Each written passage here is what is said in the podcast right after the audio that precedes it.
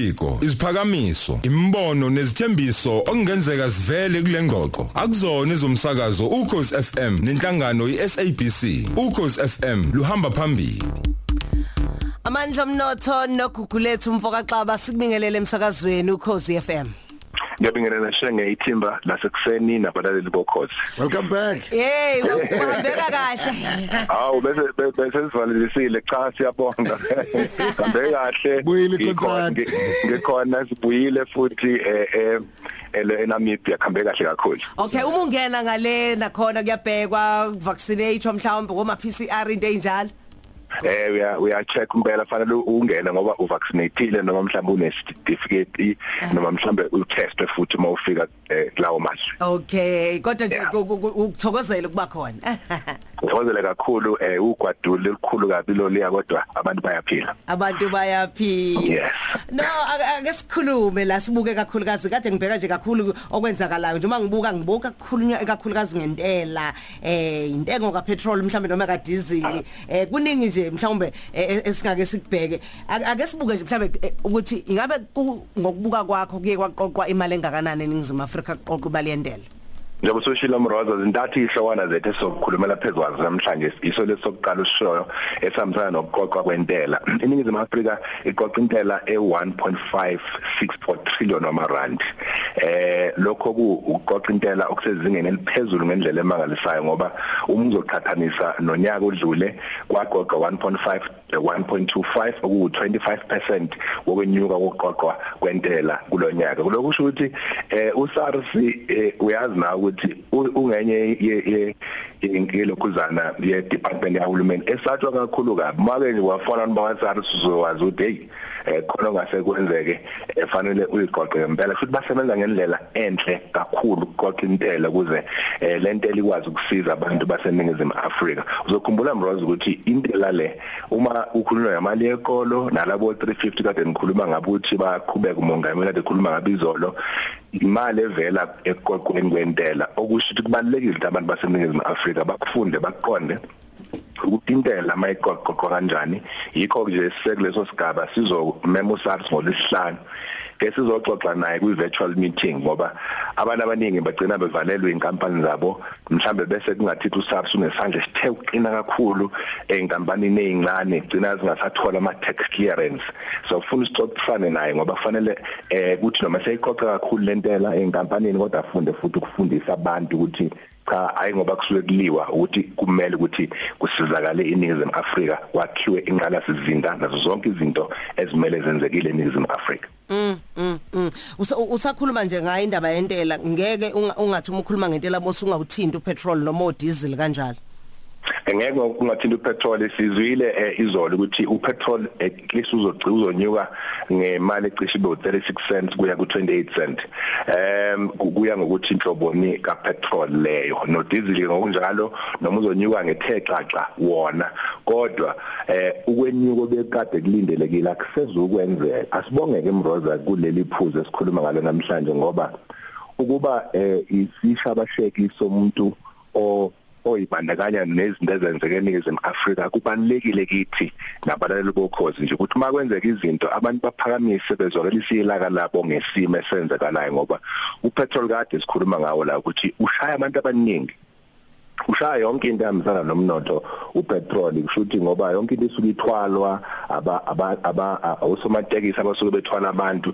Na yonke into nje isuke ithinta eh ukuthi upetrol unyuke kangakanani. So sibonga kunomfowethu lapha usibonelo mbatha esesikhulume ngaye we Petro Connect ne nasebenza nabo esigabeni sokuthi bahambile bayo presenter kuhulumeni ukuthi nabanye abaningi nezim Africa ukuthi babethu intela nje esuke ikhona petrol cishe ngaphezulu ka 40% eh u- u- okusho ukuthi intela esuke yakulumeni uhulumeni ke eh ngathi uyathanda ukulalela eh, ungqongqosho omusha ugodongwane eh abantu mabekhuluma siyakubonga lokho futhi kukhuthaze ngoba eh into enhle efanele ukuthi yenzekile. Baye bathi abayihlisi intela bangayifaki kulesi sigaba sokunyuka kapetrol ngoba njalo mayinyuka sokunyuka intela ye road accident fund. Futhi road accident fund uma uyibheka ngonyaka odlule ngiyacabanga qoqa imali engaphezulu ka40 billion. Eh uhalf waleyo mali isuke yokhokhela nje abameli abasuke benza lowo msebenzi ukuthi baclaimele abantu.